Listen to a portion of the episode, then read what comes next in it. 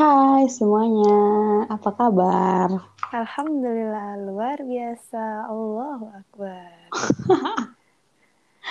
Jadi, Iya, oh iya, intro dulu ya. Balik lagi di ini perspektif. Yeay. Jadi, sekarang sesuai judulnya, kita eh salah, kami akan ngomongin tentang kuliah sastra. Siapa yang kuliah sastra? Pastinya bukan saya, tapi teman saya yang bernama Ita. Ya, eh, Halo, oh, halo, di halo, sini halo. saya Zaza sebagai reporter Reporter. sedang bersama narasumber Eh, dengan Ita ya. Iya, benar. Eh, bagaimana menurut kita fenomena liburan kali ini? Kayak kayak diwawancara abis kebakaran. fenomena liburan loh padahal. Oke, Wow, sangat luar biasa. jadi sekarang karena tentang kuliah sastra, aku bakal jadi pewawancara dan Ita bakal jadi narasumbernya karena yang kuliah sastra adalah Ita. Gak mungkin aku yang ngomong. Jadi aku bakal banyak nanya. Yang pertama, kenapa milih sastra? Hmm, ini flashback ya ke empat tahun yang lalu. Kenapa milih sastra? Karena dari awal emang suka sama bahasa, sama bahasa asing, gitu. Terus spesifik ke sastra, sebenarnya kalau kita ambil bahasa itu kan ada pilihan, ada dua pilihan, ada pendidikan sama ada sastra. Nah, waktu itu kebetulan aku sekolahnya SMK. SMK ini pariwisata. Jadi pengennya sih lebih lebih menjurus. Jadi ambil sastra soalnya lebih luas. Kalau pendidikan kan biasanya lebih ke jadi guru. Nah, karena aku waktu itu nggak mau, nggak kepikiran buat jadi guru, akhirnya ambil sastra gitu. Terus pertanyaan kedua nih, kenapa sastra Jerman? Kenapa sastra Jerman? Dari Karena sekian banyak sastra bahasa. sebenarnya nggak nggak banyak juga sih, Za. Kalau di sini ya, terutama di Jawa Timur. Iya sih. Jadi ya palingan apa sih sastra Inggris, sastra Cina, sastra Jepang. Jerman, ya Jepang itu. Terus kenapa Jerman? Karena sebetulnya dulu waktu sekolah itu sempat belajar bahasa Cina, bahasa Mandarin. Mm-mm. Sempat ada bayangan juga mau nerusin ke situ. Cuman dalam perjalanan dalam perjalanannya ngerasa susah banget ternyata bahasa Mandarin itu. Dan kayaknya aku nggak sanggup deh buat mendalami itu. Terus aku cari-cari tuh bahasa apa ya kira-kira yang masih masih aku bisa pahami tapi selain bahasa Inggris. Soalnya kalau bahasa Inggris kan udah belajar dari kecil jadi pengen cari sesuatu yang baru aja. Terbaik, udah belajar dari kecil. iya dari dari bayi nggak nggak guys. Bohong itu. Terus, ya udah jadi cari suasana baru. Terus cari cari cari cari. Em, kalau bahasa Jepang kan masih ada ini kan aksara-aksara yang ya, sulit banget gitu loh. Terus ya udah deh akhirnya milih bahasa Jep- bahasa Jerman. Soalnya pakai pakai abjad A B C D E. Alfabet ya. Uh, jadi nggak ini kan nggak terlalu menguras energi hafalan gitu Emang dulu SM kamu tuh jurusan apa? jurusan perhotelan Oh. Pariwisata. Tapi kenapa nggak nggak kepengen lanjut ke pariwisata lagi gitu? Nah, pertanyaan yang bagus. Pengen, kalau ditanya pengen tuh pengen. Dulu tuh Cuman, pengen banget. Cuman karena SMK, dulu itu kan ini ya, apa SNMP, SNMPTN. ah, Nah, ah, sekarang ada nggak tuh SNMPTN? masih. Dulu zamannya kita itu itu SNMPTN uh, buat anak SMK itu nggak bisa nggak bisa ngambil semua jurusan. Nah, aku juga aku juga heran ya, kenapa justru malah yang pariwisata tuh nggak bisa tak ambil, Za? Oh iya dah. Heeh, jadi padahal kan itu kan satu bidang kan. Heeh, linear. Heeh, malahan ada temanku ngambil agribisnis.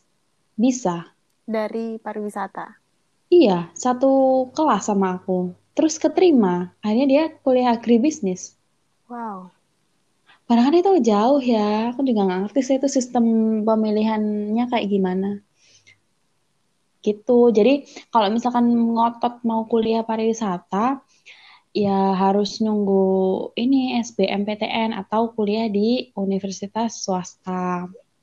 Itu. Oh. Tapi karena karena ya ini kan apa namanya? Mem mementingkan waktu itu SNMPTN. Ya udah ambil yang bisa aja gitu. Oh, berarti oh. dulu kamu SNM masuk mm -mm. Mm -mm. Yes. Terus ya aku mikir terus aku sempat ini sempat apa namanya?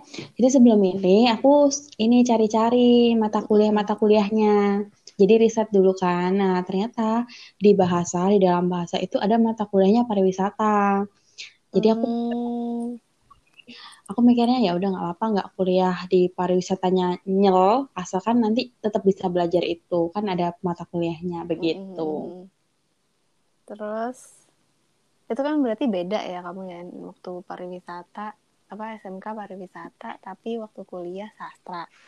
Walaupun ada matkul pariwisatanya kan tapi uh, most of the matkul kan bahasanya gitu sastranya Mm-mm. Nah, gimana rasanya kuliah itu beda jurusannya sama waktu SMK? Rasanya surprising banget. Jadi uh, kaget, kagetnya itu yang pertama kali ketika kan aku nol nih, nol nol peng, apa namanya kemampuan bahasa Jerman kan. Sedangkan waktu itu waktu masuk hmm, banyak teman-teman yang udah dulunya udah belajar bahasa Jerman, entah di SMA, entah pernah kursus gitu-gitu. Jadi jadi ngerasa sedikit minder sih kalau aku karena aku benar-benar nol kan. Hmm. Rasanya kaget. Tapi sekaligus itu jadi motivasi buat belajar lebih gitu. Karena untungnya dari awal kuliah itu uh, diajarin dari awal banget nggak yang langsung lompat ke materi jauh gitu. Jadi benar-benar dari nol. Mm-mm. Ya udah terus habis itu nekat aja deh, menjalani apa yang ada. Terus selama kuliah sastra belajarnya apa aja sih? Soalnya kan kadang ada orang mikir ngapain sih masuk sastra? Emang belajarnya apaan? Bahasa doang gitu. Emang sebenarnya sebagai alumni sastra nih Iya ya, sering ya orang kayak gitu. Hmm. Belajarnya tuh banyak banget. Sebenarnya ini tuh orang tuh nggak ngeh ya belajarnya apa aja. Karena uh, karena kalau di sastra tuh selain belajar bahasanya sendiri, kemampuan berbicara, menulis dan lain-lain, itu juga ada spesifikasi lebih ke sastranya. Jadi kalau dari bahasa sendiri ada nanti ada uh, apa namanya kayak semantik, terus ada pragmatik gitu ya pragmatik sintaks ada morfologi ada apa namanya Terus pokoknya banyak lah tentang tentang itu lah tentang kebahasaan itu sendiri. Ini di di luar ini ya di luar kayak apa sih kalau di bahasa Inggris tuh listening, oh, oh listening, empat kemampuan kebahasaan itu ya. Kan orang tuh baru orang tuh taunya itu aja yang dipelajari. Iya. Oh, enggak juga. Leb, lebih jauh dari itu. Terus kalau yang di sastranya sendiri, ini buat teman-teman yang mungkin nanti ada bayangan ya mau ambil sastra atau kepo tentang sastra. Di sastranya itu sendiri juga belajar tentang uh, apa namanya? Selain karya-karya sastra, terutama kalau aku dari Jerman, berarti karya-karya sastranya Jerman. Entah itu puisi, entah itu film, drama, terus ada prosa, ada banyak sekali dari masa ke masa gitu. Hmm. Jadi nggak nggak di masa sekarang aja, tapi di masa dulu-dulunya. Jadi mm, belajar bahasa atau belajar sastra itu sekaligus belajar banyak hal tentang negara itu sendiri. Belajar ini kan kalau kita belajar budaya belajar gitu ya. Hmm, belajar karya sastra dari suatu masa kan berarti kita belajar sejarah kan, Mm-mm. sejarahnya, latar belakangnya, politiknya juga kan karya sastra juga dipengaruhi sama politik, Iya, kehidupan sehari-harinya. hmm, budayanya juga gitu.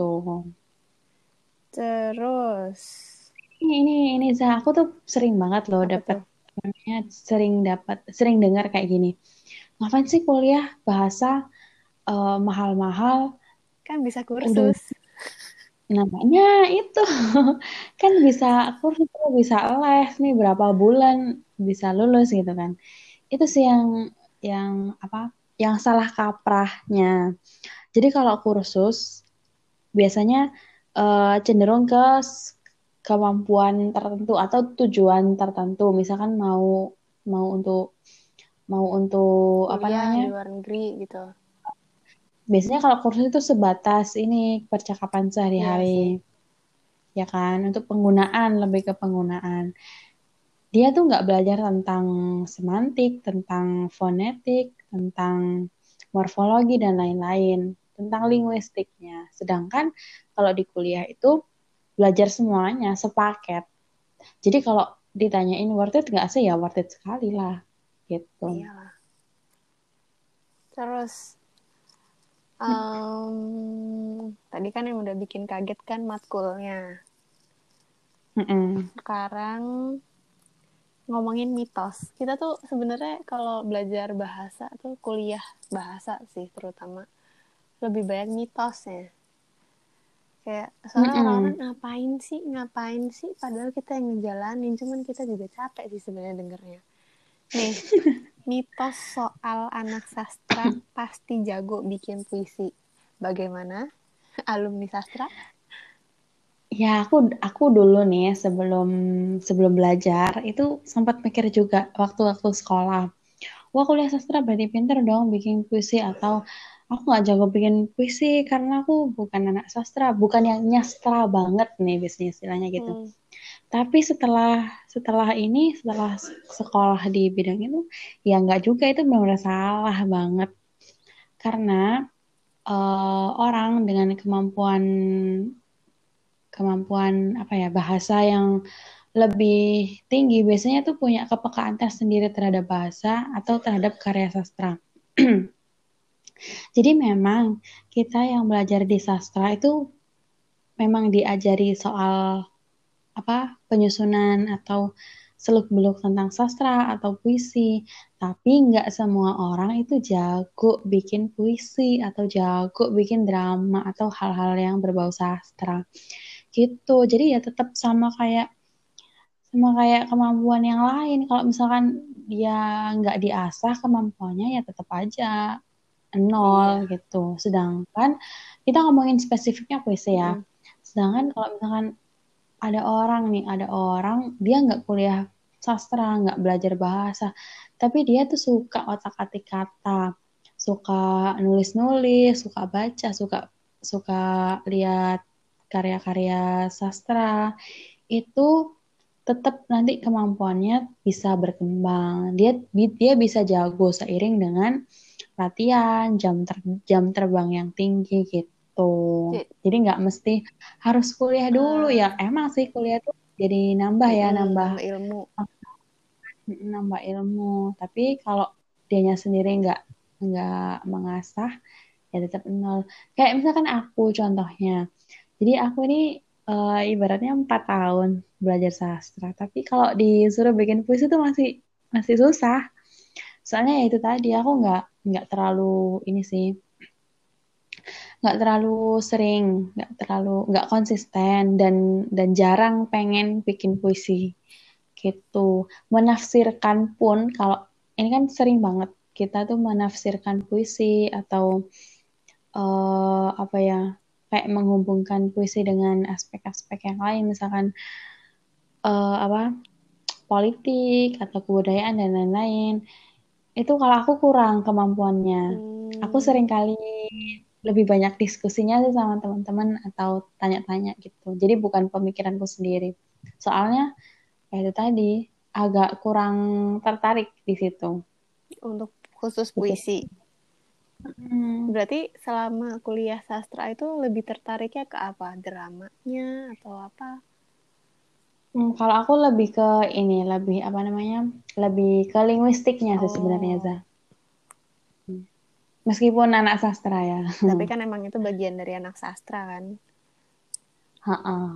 Soal apa Terus oh ya tuh? ini uh, apa waktu skripsi, Mm-mm. waktu skripsi nah itu kan uh, mau nggak mau kan tetap terlibat ya dalam sastra. Sedangkan aku orangnya nggak terlalu nyastra. Jadi aku bingung waktu itu. Ini pengalamanku beberapa waktu lalu. Aku bingung mau mau ambil apa. Akhirnya kamu tahu aku ambil poster. Iya, aku tahu. Kan aku Slogan. datang ke itu toh apa?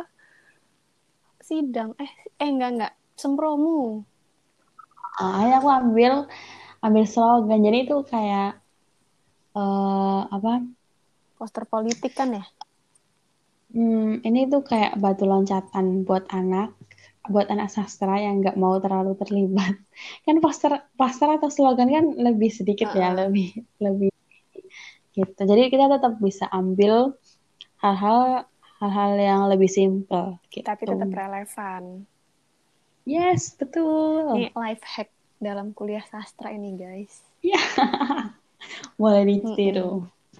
Terus, nah kan udah kaget, terus juga apa ya istilahnya kamu nggak nyastra banget. Sempet kepikiran buat berhenti nggak, buat nyerah gitu kayak, aduh ya ampun ini bukan gua banget gitu. Ah, kalau berhenti pernah nggak ya? Eh, kalau berhenti karena sastranya sendiri, enggak sih. Alhamdulillah enggak pernah. Cuman kalau bosen, jenuh itu pernah. Menurut tapi menurutku itu masih wajar ya. Tapi kayak terlalu apa ya? Terlalu abstrak sih. Karena kan sastra tuh pegangannya sama buku, sama literatur literatur literatur lama. Gitu. Kadang aku bosen aja sih. Gitu. Uh, terus ya palingan cuman butuh refreshing kayak gitu-gitu. Cuman kalau yang kalau lebih ekstrimnya itu aku kepikiran buat pindah jurusan, za. Tapi itu termasuk nyerah Jadi kan? bukan Karena Iya uh, sih, bisa gitu.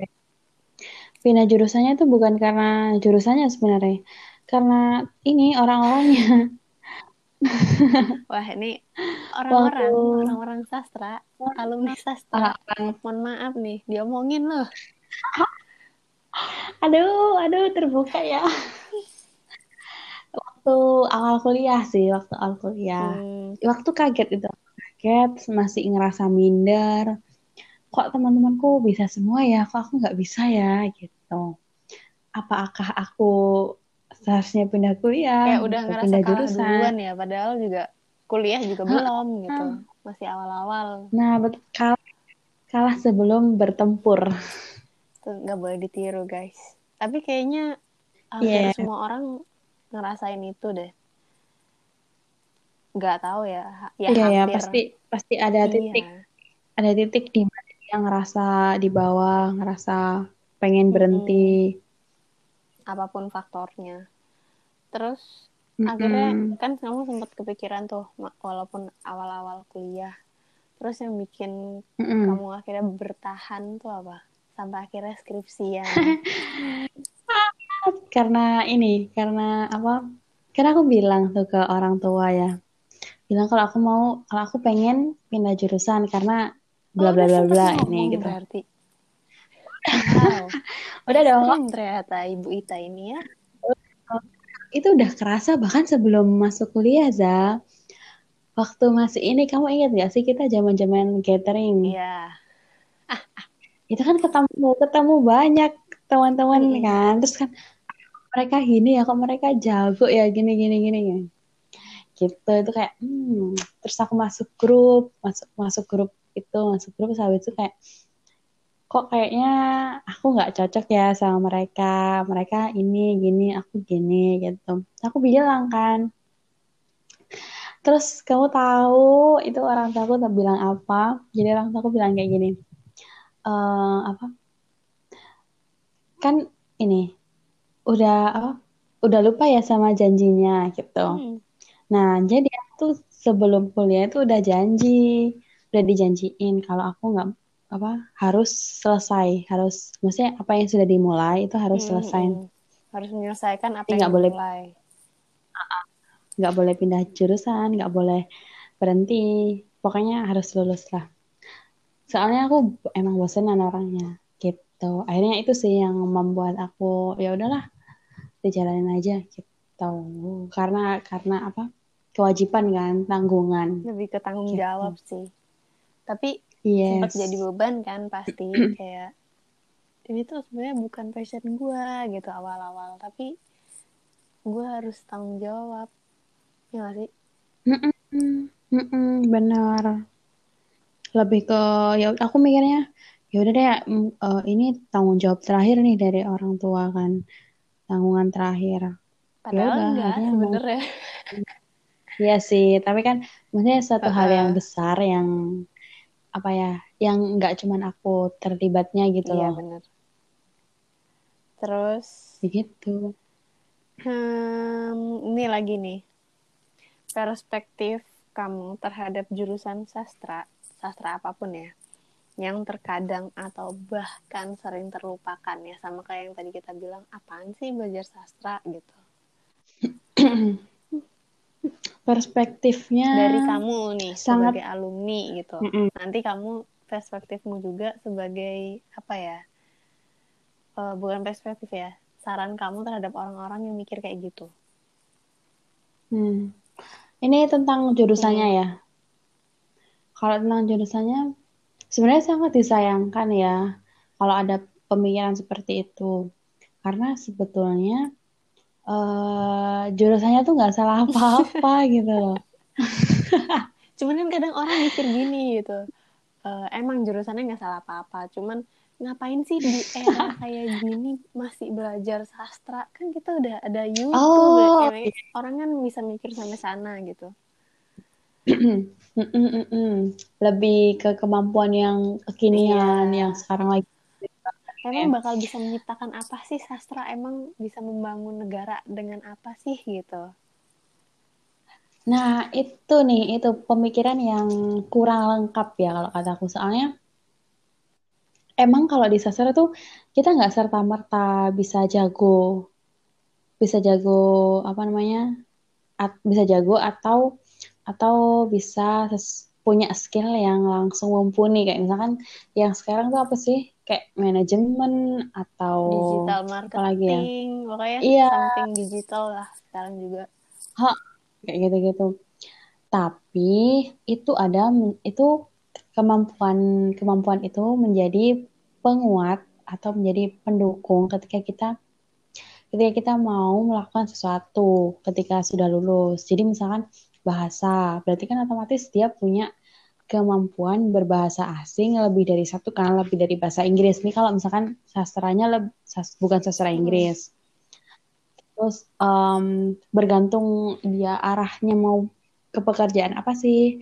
Kalau kalau misalkan arahnya ke pekerjaan yang membutuhkan membutuhkan apa ya kemampuan berbahasa misalkan jadi pe, apa namanya? Apa sih kayak pe, ini loh Zah yang bukan. Iya atau yang jadi ya gitu juga bisa. Uh -uh, atau dia tuh jadi orang kepercayaan dua negara misalkan. Itu kan butuh iya, banget bener. kan. Ini cewek itu pinter banget teknologi pinter IT tapi dia nggak pinter bahasanya. Ya nggak bisa komunikasi iya, dong. bahasa itu ya alat komunikasi. Lu nggak lu lu nggak uh, bisa iya, ngomong pakai bahasa A nggak bakal nyampe infonya juga ya. Sepinter apa pun orang itu. Hmm, itu kalau yang bahasa asing ya. kalau bahasa Indonesia juga gitu.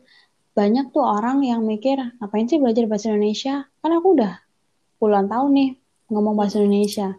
Padahal enggak semua orang bisa berbahasa dengan baik dan benar. Meskipun dia udah dari lahir ngomong bahasa Indonesia. Itu salahnya. Jadi dia tuh nggak ngerti bahasa ini tuh bagus, uh, baik apa benar, baik apa nggak baik, baku apa nggak baku. Dia tuh nggak yeah. ngerti penggunaan itu kan hal yang sering disepelekan. Padahal itu juga penting.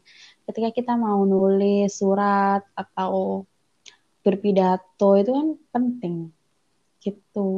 Terus saran buat orang yang masih punya stigma kayak gitu apa tuh? Sarannya lebih ini sih buka buka telinga, buka mata. Buka hati. Enggak ya? Ya aduh. Iya dong. Iya boleh lah biar nggak benci ya karena karena apa namanya hal karena suatu jurusan yang nggak begitu familiar itu bukan berarti dia itu nggak nggak berguna. Bukan berarti dia akan terbelakang. Justru justru jurusan yang mungkin mahasiswanya lebih sedikit daripada jurusan yang lain itu bisa jadi peluang kerjanya lebih besar. Gitu. Kita lihat aja kan di kehidupan sehari nggak banyak loh orang yang jago uh, apa multi bahasa, bisa bahasa ini bahasa hmm. ini, dia bisa keliling keliling Polyglot dunia ya. gitu.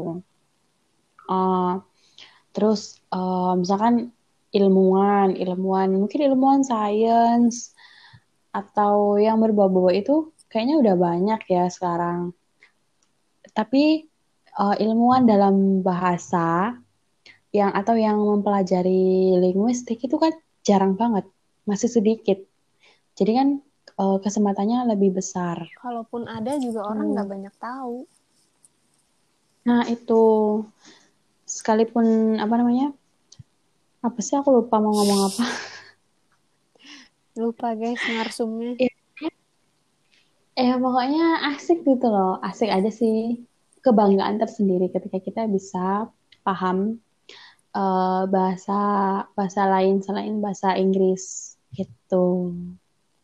Sempat minder nggak kamu tak dengan kuliah sastra? Tapi mindernya dalam lingkungan di luar teman-teman kuliah ya kayak misal apalagi waktu baru lulus SMA gitu lulus SMA hmm. SMK kan kayak eh lo kuliah di mana sekarang kayak gitu terus dengan kamu jawab sastra gitu minder gak sih uh, kalau minder kalau minder ke jurusannya enggak sih. Tapi pernah minder ke universitasnya. Oh. Wah. Yang tahu oh. universitasnya, oh. wah. Ya udah ya, udah ya. udah stop guys. um, lebih ke apa ya? Karena karena gini, karena waktu itu aku masih punya mental yang wah aku kuliah nggak terlalu ini nggak terlalu hype nih jurusanku hmm. gitu dibanding teman-temanku yang kuliah matematika kuliah fisika kedokteran itu kan ham, apa ya terkenal ya ya ya pokoknya banyak dibutuhkan banget di dunia gitu iya kayak akuntansi gitu kan kayak mereka mengklaim bahwa ini semuanya semua perusahaan tuh butuh uh. ini, itu bisa kerja di sini gitu kan. Terus ya itu sempat sempat sempat down sih kayak lebih ke insecure. Nanti aku lulus kerja apa ya? Nanti aku dapat kerja nggak ya gitu kayak mereka kan bisa kerja di sini sini sini aku bisa nggak ya lebih ke kayak gitu, hmm. gitu tapi padahal waktu setelah lulus ya nggak nggak juga kok nggak se apa namanya nggak nggak sesusah itu gitu loh maksudnya tiap tiap jurusan itu tetap punya bidang pekerjaannya masing-masing kan jadi kita nggak bisa nggak bisa menyamakan jurusan kita uh, alumni yang ada di jurusan kita dengan alumni yang ada di jurusan mereka Termasuk juga nama gitu. apa universitas kan nggak jamin sebenarnya uh, Mm balik lagi ke dan, mahasiswanya. Betul, balik lagi ke pribadinya. Dan setelah aku lulus itu aku baru sadar bahwa universitas tuh nggak ini loh, nggak nggak nggak ngaruh juga termasuk gitu. Kalau penilaian kan? Ha karena aku ngertinya itu setelah aku lulus, setelah aku lulus itu kan aku mulai ketemu nih, kan aku balik kampung ya, balik kampung. Terus ketemu teman-teman lama kan, nah, teman-teman yang kuliah di universitas Mm. top lah di A, Dan jurusan yang yang ini juga yang, Yang apa? umum. Heeh, yang umum. Ternyata surprisingly dia itu belum dapat kerjaan, padahal dia itu kuliah di jurusan yang umum tadi yang diklaimnya semua uni, semua perusahaan itu akan meng-hire dia dibandingkan dengan aku yang cuman apa tanda petik sastra Jerman gitu malahan aku yang lebih kerja dulu. Gitu. Itu sih yang bikin aku oh ternyata tuh nggak kita tuh nggak bisa bawa-bawa universitas gitu. Iya sih. karena ya mereka pun meskipun jurusannya bagus ya eh, apa akreditasinya bagus tapi balik lagi ke personal gitu. Kalau dia usahanya nggak ini terus kalau dia lempeng-lempeng aja ya ya akan susah Karena juga perusahaan kan butuh orang itu, bukan butuh unifnya. Ah, dan yang ada itu malah ini karena karena karena mereka kuliah di jurusan atau universitas yang top jadi dia tuh mikir ah ngapain sih aku ini apa kayak usaha kerja keras? Padahal kan kan aku udah punya alamat bagus nih nanti pasti dapat kerja yang bagus ya gitu kalau kayak gitu. Karena kan nggak semua kan Tetap kalah sama orang dalam. but ya aduh salah ya guys tetap kalah sama orang yang berusaha maksudnya gitu Hmm. Orang dalam juga berusaha. Berusaha nyari orang dalam.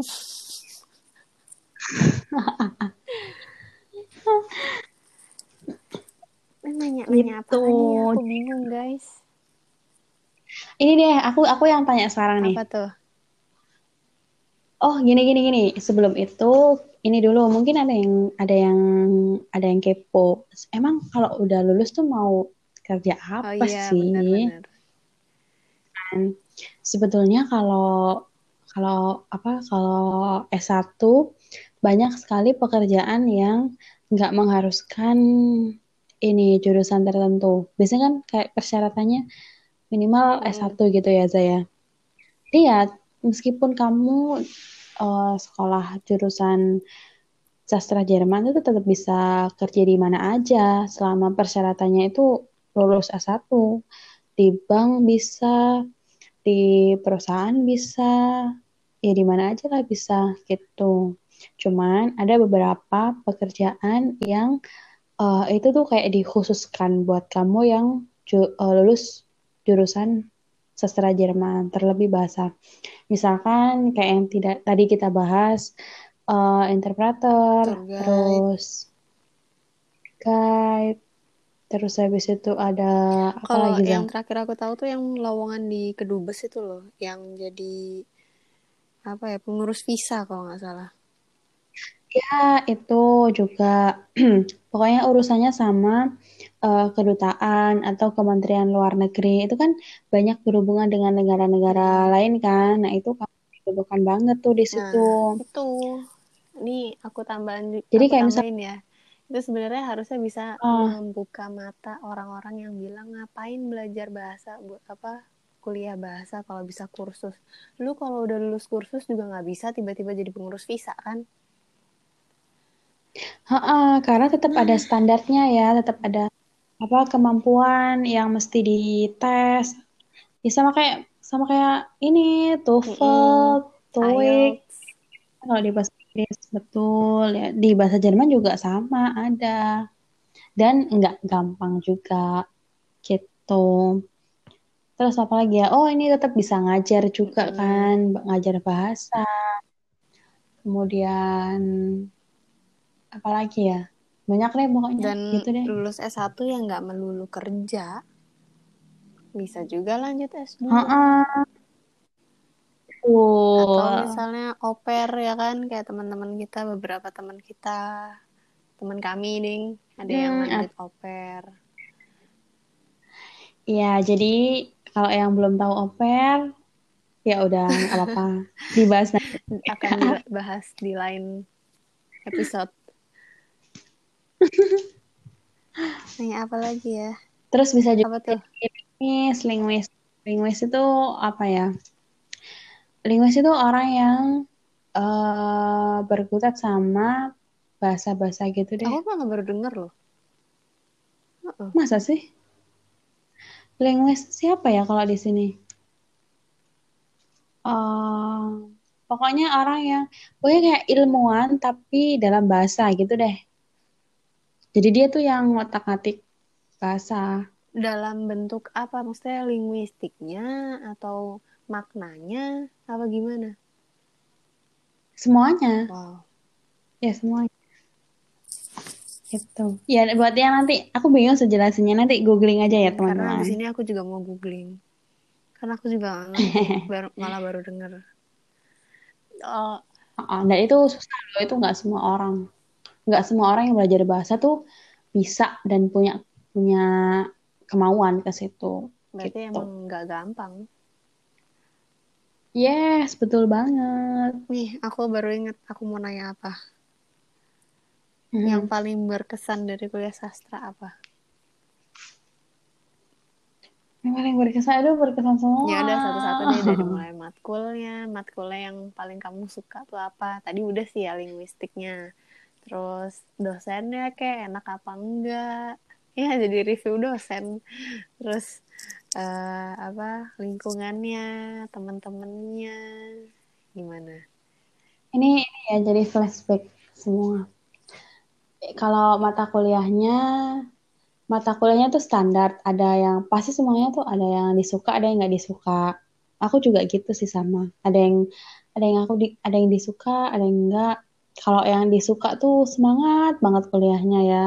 Ngejar banget nilai A. Tapi kalau nggak disuka ya udah asal lulus saja udah bersyukur. padahal minimal lulus aja. Iya. Pokoknya nggak ngelang mm -hmm. gitu ya. Terus tapi itu beneran sih. Itu dan aku tuh bener-bener nggak bisa. Misal uh, fonetik itu tuh bagiku susah banget. Karena karena aku emang nggak suka gitu. Ya udah asal asal aku masuk Tapi aja terus kamu ngerasa kan pengen kan, nyoba untuk menyukainya gitu memaksakan diri? Oh pernah dong. Tapi gimana? Pernah stres dong. Set...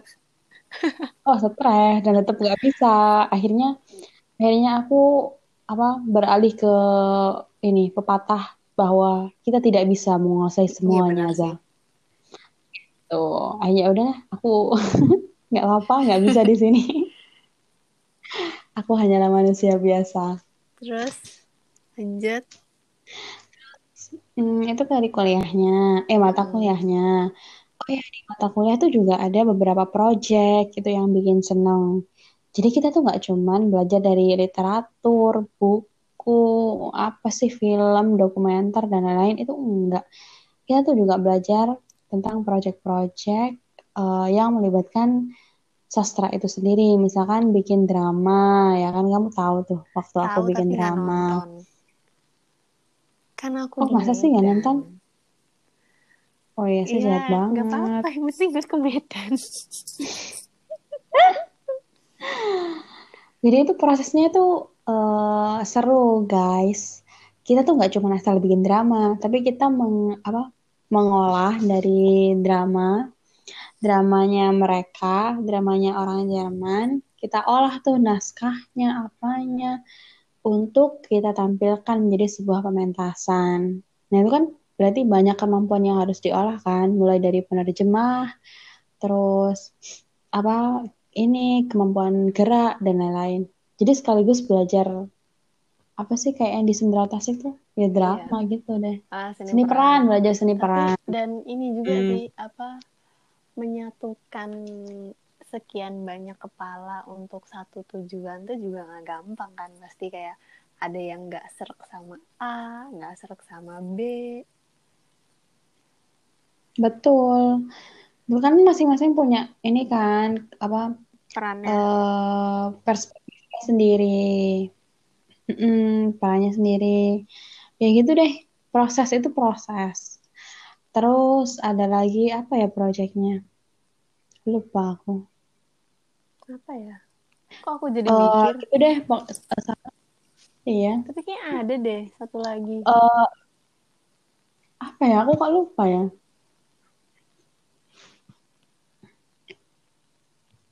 Eh sama riset-riset oh gitulah. sama ini loh yang kamu Eh trip ke Banyuwangi Oh, iya, iya, iya. iya. Jadi, jadi guys, eh, meskipun kita belajar sastra, tetap ada penjurusannya, di situ ada konsentrasinya. Waktu itu aku ada eh, pariwisata sama penerjemah. Nah, jadi kita tuh bisa ambil kemampuan yang lebih spesifik. Eh, waktu itu ada project di pariwisata menjadi seorang tour guide dan mema- me- apa, bikin travel bikin apa sih bikin open trip gitu. Mm-mm. Jadi kita belajar tentang manajemen juga, tentang gimana promosinya, tentang bikin apa, bikin programnya apa aja. Waktu itu, eh, waktu itu teman-temanku ke Banyuwangi gitu. Gimana kita bikin sebuah apa ya, sebuah program yang murah tapi banyak banyak Manfaatnya. ininya, banyak betul.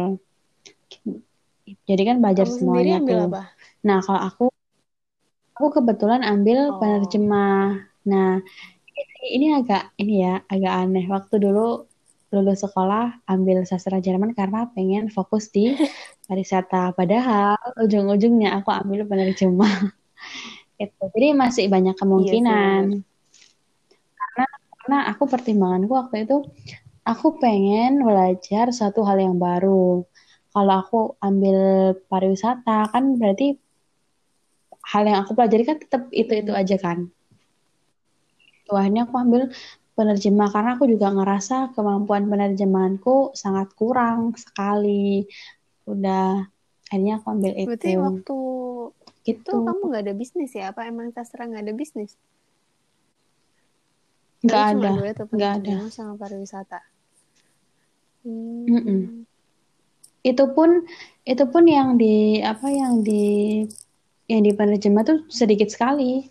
Pe- Peminatnya teman-temanku yang di penerjemah tuh sedikit soalnya sekali. Makanya kita nggak ada project apa-apa. mungkin karena. Oh, ap- bingung deh siapa yang ngomong apa mungkin apa? mungkin karena ini kali udah dicekokin sastra-sastra jadi udah mikirnya ya Allah gue udah yang sastra nerjemahin juga Iya sih, kebanyakan temanku juga gitu sih. Akhirnya banyak yang lari ke pariwisata. Teman-temanku lebih tertarik ke pariwisata. Karena waktu itu aku tuh inget banget yang di penerjemah itu, dosennya itu yang pas ini, pas. Killer gitu kayaknya kenal Ah, you know. Akhirnya ya oh udah, anak-anak nggak mau? Banyak ya udah. Iya lebih tertarik ke pariwisata. ya. Siapa sih yang nggak tertarik buat jalan-jalan kan, buat bikin travelnya program jalan-jalan. Yes, itu. Tapi seru sih, seru. Maksudnya bukan bukan yang sulit banget ya, enggak. Tetap tetap kita ada plus minusnya bisa juga Yes. Gitu. Tapi serunya ya bisa lebih punya ini kan kemampuan menerjemahkan. Waktu itu aku nari eh, projectnya ini sih bikin kayak bikin kayak buku ini apa tentang dongeng dongeng bahasa Jerman di bahasa Indonesia kan dibikin versi Indonesia. Satu anak satu Gitu. dongeng atau Lupa satu kelas penerjemah itu nerjemahin bareng-bareng? Satu anak apa apa? Dua Satu orang? dongeng. Satu anak dua Oh, dongeng. Banyak dong. Oh Ya, iya banyak sih lupa dosennya killer tapi worth it kan? Kalau aku ngeliatnya kayaknya gitu worth it ya. Worth it dong kan nggak ada yang nggak worth it Jadi tetap punya spesifikasi masing-masing. Gitu. Ya udah. Gitu doang. Ah, aku, aku tuh mau tanya tadi tuh, Zah. Uh, pendapatmu nih yang bukan anak sastra melihat anak sastra, apakah kamu pemikiranmu juga sama seperti orang-orang yang Aku tadi itu? gini, hah apa tuh sastra? Nggak gimana ya. Waktu dulu kalau kul ya, waktu kuliah, waktu sekolah, ya memang aku ngelihatnya apaan sih belajar sastra? gitu ngapain? Apalagi dulu ke kelasku ada yang SNM kan keterimanya sastra Indonesia. Mm -hmm. wih itu aku langsung kayak ngapain sih? Udah 12 tahun belajar bahasa Indonesia terus belajar bahasa Indonesia lagi. Karena mungkin ini juga ya kita tuh uh, most of us itu tidak berusaha untuk mencari tahu dulu sebelum ngejudge. Jadi betul. itu penyebabnya banyak dari kita yang masih gampang banget ngeremehin. Nah uh, ini kamu ngomongin sastranya apa? Sastra Jermannya? Hmm, sastra dulunya deh, dulunya. Dulu waktu sekolah. Sampai akhirnya aku milih buat SBM itu dapat insight juga dari ibu aku. Kayak ya enggak karena ibu aku juga sastra Inggris kan dulu. Jadi ya juga ya mm -hmm. enggak apa ya. Dulu tuh bahasa gampangnya gini kalau selama jurusan itu masih ada berarti emang masih dibutuhkan. Udah sesimpel itu. Mm, jadi aku mikir ya juga ya selama Betul. jurusan itu belum ditutup atau bahkan tidak pernah ditutup ya nggak bakal apa ya pasti terus terus dibutuhkan gitu. Terus ketambahan juga insight-nya makin nambah waktu kuliah terutama waktu di Medan. Waktu itu tuh uh, rektornya Unimed bilang di salah satu seminarnya kalau pendidikan terus bahasa seni pokoknya FBS ini kita ini Fakultas Bahasa dan Seni itu tidak mm -hmm. tergantikan oleh robot atau apa pun itu. Oke yes, kalau misalnya kita betul. bisa bikin media di YouTube atau di platform lain atau kita bikin aplikasi lain itu istilahnya sebagai pembantu uh, media pembantu aja bukan serta merta memproduksi justru mm -mm, kayak jadi justru yang utama gitu ya. itu bakal hidup aplikasi itu bakal hidup kalau ada yang memproduksi. Ya balik lagi kan yang memproduksi manusianya. Gitu. Nah itu aku mm -hmm. dari situ lah. Ini udah berarti dulu gue punya pikiran itu tuh nggak bener gitu. Nah dari situ kayak ngerasa punya tanggung jawab apalagi aku juga salah satu bagian dari anak bahasa punya tanggung jawab buat apa ya ngasih insight ke orang-orang yang masih mikir ngapain sih belajar sastra? gitu. Atau belajar bahasa lah.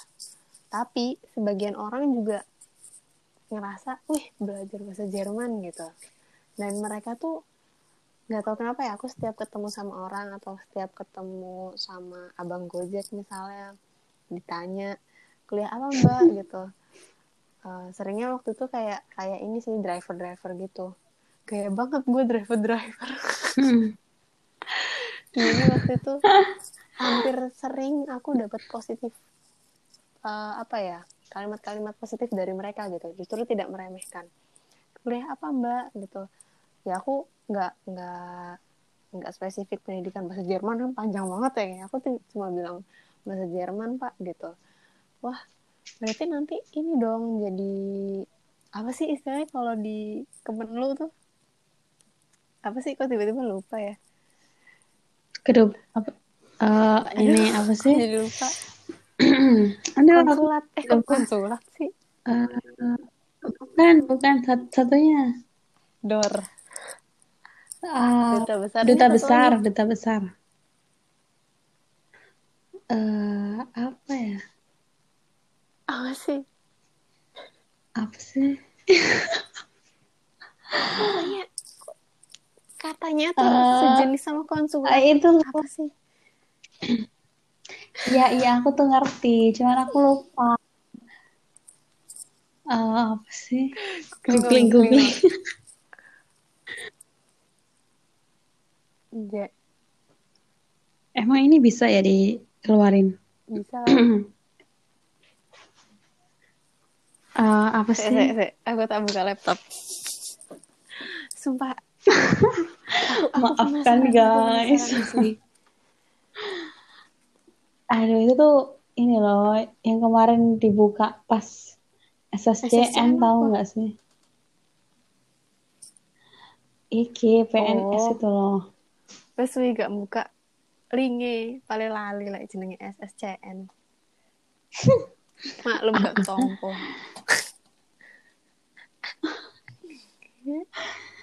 Ya apa itu nyoba ya. apa sih? Ah, keywordnya apa ya? Eh, akadobes sih gitu kan atau ke Kemenlu gitu. Gak gitu. Gini aja deh, peluang kerja. Ah, bentar, bentar, bentar, bentar. Nah, Diplomat. Ya amat ya. Ini tak buka malah nggak ada diplomat. Iya guys, diplomat gitu. Nah, lanjut ya ceritanya. Lama di ini tadi nyari kata diplomat. Mm-mm. Jadi eh, kuliah apa mbak? Bahasa Jerman pak gitu. Wah jadi nanti jadi diplomat dong gitu. Iya amin. Padahal aku sebenarnya pendidikan kan. Dan itu rasanya dulu tuh ya Mm-mm. nggak mungkin lah gue pendidikan gitu. Dulu mikirnya gitu karena ini sneak peek aja ya. Kalau jurusan pendidikan itu eh, magangnya ya di sekolah gitu loh. Tapi nggak tahu lagi kalau sekarang kalian yang pengen ngambil pendidikan berhubung Pak Nadim Mas Nadim Mas Menteri udah ada wacana buat apa ya mem- memberi kebebasan lah istilahnya untuk milih tempat magang. Itu masih ada peluang untuk jadi apa pun sih sebenarnya. Nggak nggak kayak zamanku tuh bener-bener ya udah pendidikan cuma mm-mm, justru Harus gitu waktu ya. magang tuh sempet ada iri sebenarnya sama anak sastra. Ya enak banget sih anak sastra bisa milih. Kayak kamu kan di penerbit. Terus kayak siapa? Mm-mm. beberapa teman kita juga ada yang di mana? Kemenlu. Gitu kan bener-bener it- ini ya pen- Mm-mm. eh, dua tempat itu aja udah sesu- sesuatu yang berbeda gitu loh. Kemenlu sama penerbit. Dan itu kalian dari satu jurusan bisa ke situ. Lah kami yang pendidikan tuh kayak ya udah kita paling sekolah. Ya lo sekolah mana? Oh sini gitu. Ya udah gitu doang. Konteksnya tetap sama sekolah gitu itu sih Oh ya, nam nambahin nih, tadi kan belum sempat ini. Jadi kalau eh, di sastra itu magangnya juga bervariasi. Eh, tadi yang kayak udah dijelasin Zaza, ada yang di penerbit, ada yang di Kemenlu, ada yang di Kementerian Pariwisata, terus ada yang mana lagi ya? Ada di, di tabloid, kayak di majalah, koran. Karena di bagian redaksi kan, kepenulisan. Karena jurusan bahasa itu juga dekat dengan eh, kepenulisan. Terus apa lagi ya? Di di mana ya Zaya? dulu tuh ada yang Ini jadi ini juga apa tour guide. Tour guide juga bisa. oh Terus iya ini di hotel, di hotel juga bisa dengan eh, pariwisata tuh hampir semuanya bisa. Gitu. Jadi luas Jadi sekali, magangnya itu guys. tidak tergantung sama konsentrasi kalian juga sebenarnya kan kayak kamu penerjemah mau Yes, betul. Kemenlu ya tetap bisa cuman ya gitu kalau Mm-mm. magang tempat nanti kita magang itu kan punya kuotanya ya kalau ditanya semuanya juga pengen ke Kemenlu cuman kan nggak bisa semuanya jadi akhirnya Mm-mm. kamu dulu Betul gimana nyari sekali. sendiri apa emang udah ada listnya apa gimana Hmm, Enggak, nyari sendiri. Jadi ya dibebasin mau ke mana, mau ke mana gitu. Jadi teman-temanku tuh udah nyebar, pokoknya berkelompok sih waktu itu. Maksudnya nggak sendiri-sendiri karena untuk memudahkan kita dalam bikin laporan. Jadi kan nggak semuanya dikerjain satu orang. Kalau misalkan dua orang, tiga orang dalam satu tempat yang sama, itu kan lebih memudahkan.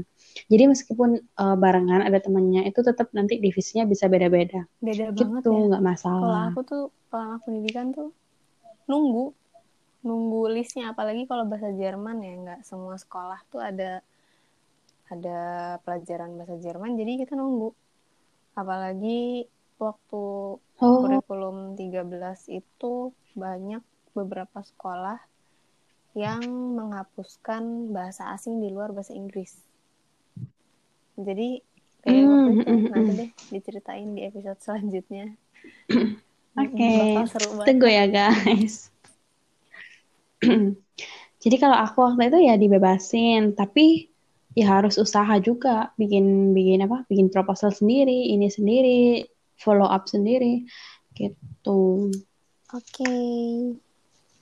Lama juga loh, 56 Minuten.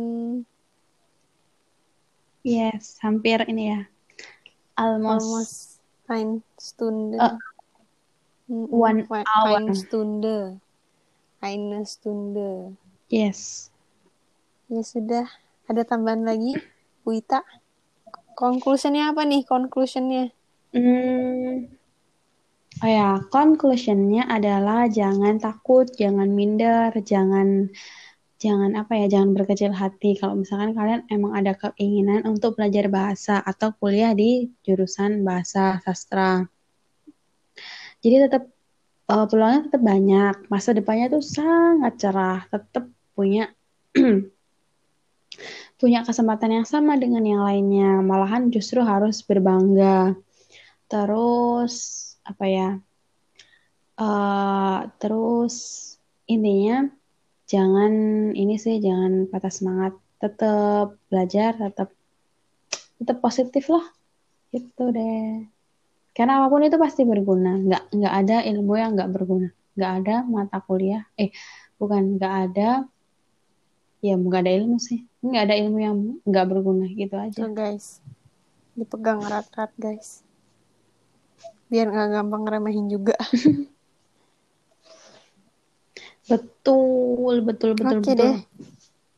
Cukup sekian okay. episode kali ini kita ngomongin tentang kuliah sastra yang jarang banget mungkin orang ngomongin yes. dan kita ngomongin sampai hampir sejam dan semoga kalian wow. terbuka sebenarnya ini sebenarnya kalau di apa kalau di detailin lagi pasti iya. masih banyak ya unek-unek cuman ya secara garis besar tuh kayak gitu ada plus minus dan kami menunjukkan plus minusnya dalam konteks yeah. yang general Next, kita akan bahas yes. tentang Zaza. Jadi kita sama-sama bahasa nih, tapi kan aku lebih ke sastra, yes. kalau Zaza lebih ke pendidikan. Dan nanti kita cari tahu nih mana uh, apa sih sebenarnya yang dipelajari sama uh, jurusan pendidikan. Emang mesti jadi guru? Emang mesti ke sekolah dan lain-lain. Nah, itu guys, okay? kenapa Ita itu sastra tidak berpendidikan, tapi kalau aku berpendidikan tapi tidak bersastra. yes. itu guyonan kita. tapi kita tetap tapi iya. kita tetap menyatu loh guys. Menyatu melebur menjadi satu. Udah. Asik. See you next. Okay. In the next. Oh. See you next. See you in the next episode of Ini Perspective.